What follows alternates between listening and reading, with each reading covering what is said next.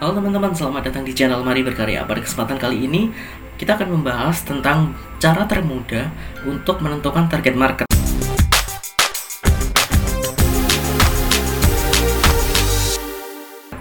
Kenapa harus target market? Well, target market adalah sekumpulan uh, target atau orang yang akan kita fokuskan untuk menjadi market kita. Ingat ya, ini yang akan kita fokuskan, bukan actual market, bukan market yang akan membeli produk kita. Jadi uh, banyak sekali teman-teman yang salah paham tentang target market itu adalah hanya orang-orang itu yang akan membeli produk kita. Enggak, enggak, enggak, enggak kayak gitu. Jadi target market itu adalah target kita dalam memasarkan produk. Entah yang beli itu orang lain di luar target market itu nggak masalah. Jadi masih ada kemungkinan orang lain untuk beli, tapi segala aktivitas kita, mau marketing, mau branding, mau uh, promosi, mau melakukan uh, giveaway atau apa pun itu, kita harus fokuskan ke satu target market. Makanya target market di sini itu harus spesifik dan harus ditentukan di awal sebelum kita memulai sebuah usaha. Apa sih target market kita? Siapa saja sih? Berada di mana saja sih mereka? Umurnya berapa? Kemudian tingkat ekonominya seperti apa dan dia itu suka apa saja bahkan ada yang sampai mereka menentukan polanya dia dalam berbelanja itu seperti apa jadikanlah brand ini sebagai uh, sahabat atau pasangan dari target market kita, dari customer kita sehingga mereka mau melakukan apa pun untuk brand kita seperti itu. Itulah yang membuat customer loyal karena kita tahu target marketnya dan kita men target marketnya dengan baik. Pertanyaannya, yang pertama bagaimana cara kita menentukan target market yang tepat? Yang pertama adalah riset. Ini mungkin hal yang paling susah ya, atau mungkin paling males dilakukan teman-teman adalah riset. Riset maksudnya kayak gimana? Jadi contohnya misalnya kita jualan produk keripik keripik tempe misalkan. Nah kita harus riset siapa saja sih orang yang mau membeli keripik tempe. Ini yang mau membeli ya bukan hanya sekedar suka. Karena target market itu beda dengan target user user itu pengguna mereka yang akan menggunakan makanan misalnya atau contoh yang paling paling bisa menggambarkan ini adalah produk-produk uh, balita atau bayi. Nah, target usernya itu adalah bayi. Memang penggunanya adalah bayi, tapi kita nggak mungkin target market bayi kan. Kita target marketnya adalah ibu-ibu. Nah, segala aktivitas marketing kita harus berhubungan dengan ibu-ibu, bukan dengan bayi. Atau hubungan antara ibu dengan bayi. Nah, seperti itu. Kita harus bedakan mana user, mana market, mana customer, mana pemakai atau pengguna. Nah, seperti itu. Yang kita fokuskan di sini adalah market. Siapa orang yang kira-kira akan membeli produk kamu? Misalkan contohnya tadi keripik, keripik tempe. Siapa kira-kira orang yang suka dengan keripik tempe dan mau membeli keripik tempe? Umurnya berapa? Dari rentang umur berapa sampai berapa? Tanyakan. Kalau kalau perlu buat kuesioner.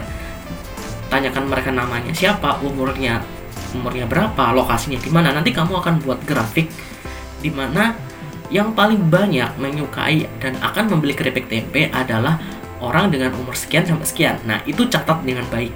Kemudian jenis kelaminnya apa?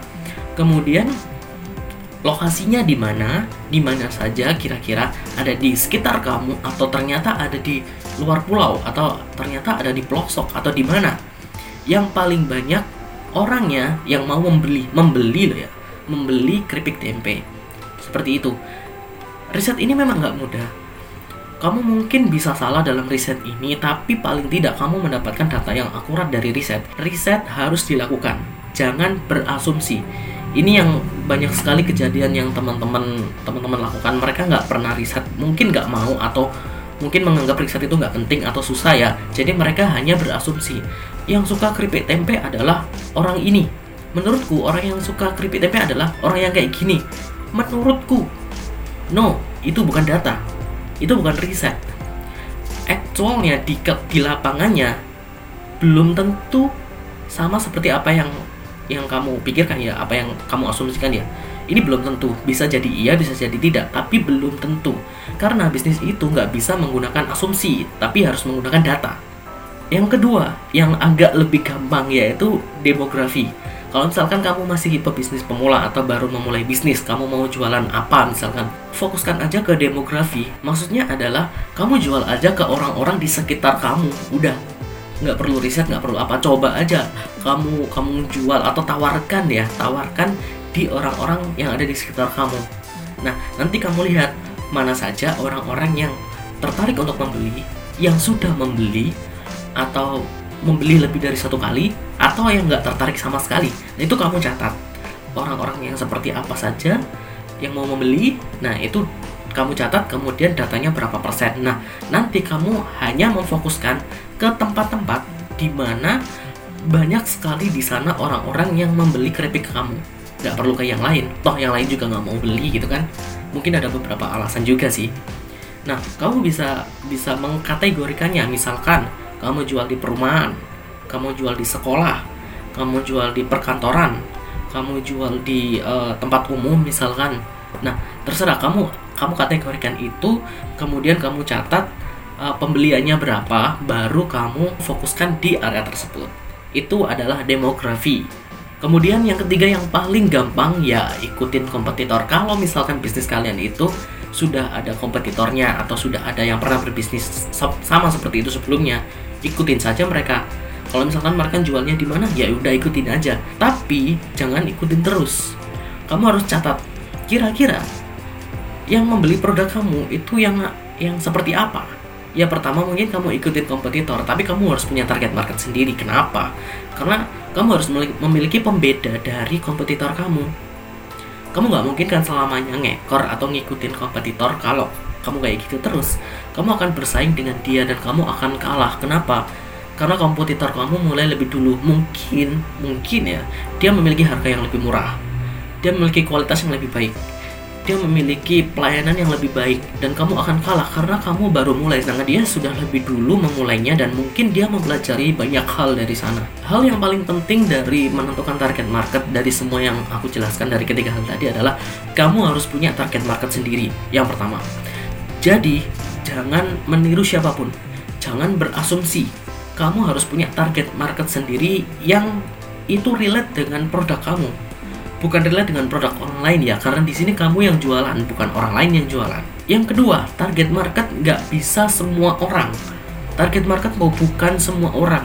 Kalau kamu target market ke semua orang, kamu akan habis di biaya, kamu akan habis di waktu, kamu akan habis di effort, padahal hasil yang kamu capai tidak tidak akan maksimal. Kenapa? Karena persentase orang yang tidak menyukai produk kamu itu lebih banyak. Karena kamu tidak spesifik. Kamu tidak spesifik ke satu orang ini. Contohnya tadi yang yang misalkan kamu punya produk spesifik yang produk untuk bayi. Terus kamu jual ke bapak-bapak yang belum punya bayi. Ya apa mereka mau beli? Enggak juga kan? Kamu jual ke anak-anak muda yang mereka nggak ada hubungan apa-apa sama bayi Nah, apakah laku? Ya enggak kan? Nah, makanya kamu harus spesifikkan dulu target marketmu sehingga persentase pembelian, ter, persentase terjadinya pembelian itu lebih banyak. Jadi effort yang kamu keluarkan untuk marketing, untuk research, untuk strategi branding itu sedikit, tapi hasil yang kamu hasilkan, persentase pembeliannya itu banyak. Daripada kamu mentarget semua orang. Oke, paham ya maksudnya ya? Oke, itu tadi beberapa cara paling mudah untuk menentukan target market. Nah, kalau misalkan kalian masih bingung gimana sih cara menentukan target market dan apa aku perlu sih menentukan target market, silahkan tulis aja di kolom komentar di bawah atau tanya aku langsung juga bisa. Aku akan cantumkan link di description di bawah. Uh, jangan lupa like, comment, dan subscribe untuk mengetahui informasi selanjutnya tentang bisnis online, kerajinan tangan, dan lain sebagainya di channel Mari Berkarya ini. Semoga bisnis kita bisa sukses ke depannya. Kami percaya bahwa orang Indonesia memiliki kreativitas untuk membuat karya yang berkualitas. Tetap belajar, terus berkarya, dan selalu bersinergi. Mari berkarya, ini karya kita.